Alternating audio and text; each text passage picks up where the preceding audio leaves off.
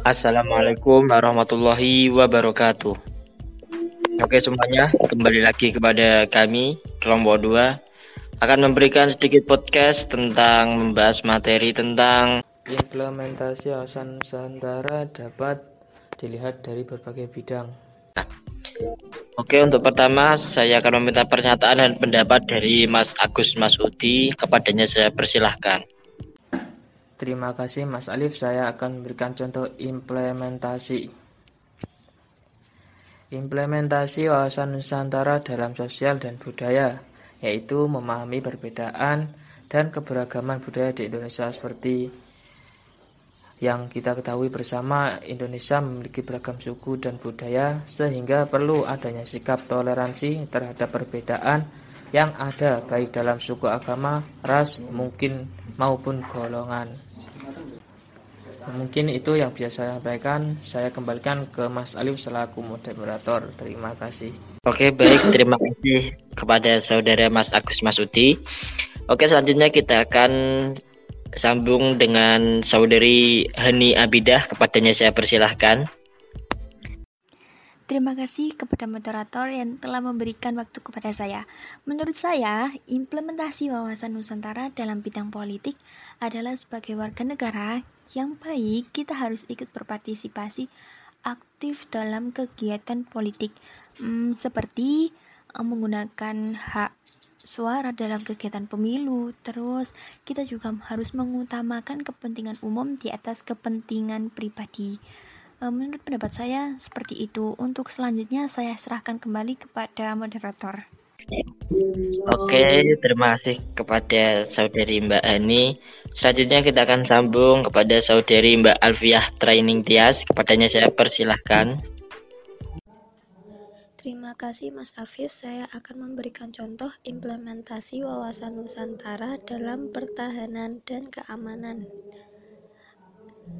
yaitu menanamkan dan menumbuhkan rasa cinta terhadap tanah air. Selain itu, implementasi ini juga bisa dilakukan dengan membentuk sikap rela membela tanah air. Saya ke kembalikan ke Mas Afif selaku moderator. Terima kasih.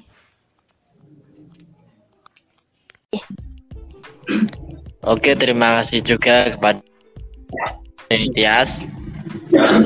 Selanjutnya saya akan meminta pendapat dan pernyataan dari kepada saudara Mas Ahmad Afifuddin. Kepadanya saya persilahkan.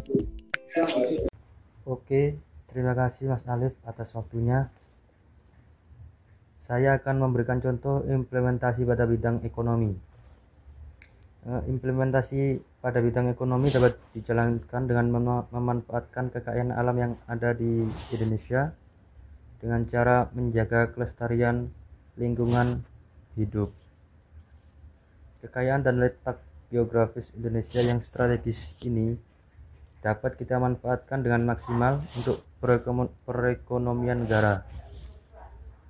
Mungkin itu saja yang dapat saya sampaikan.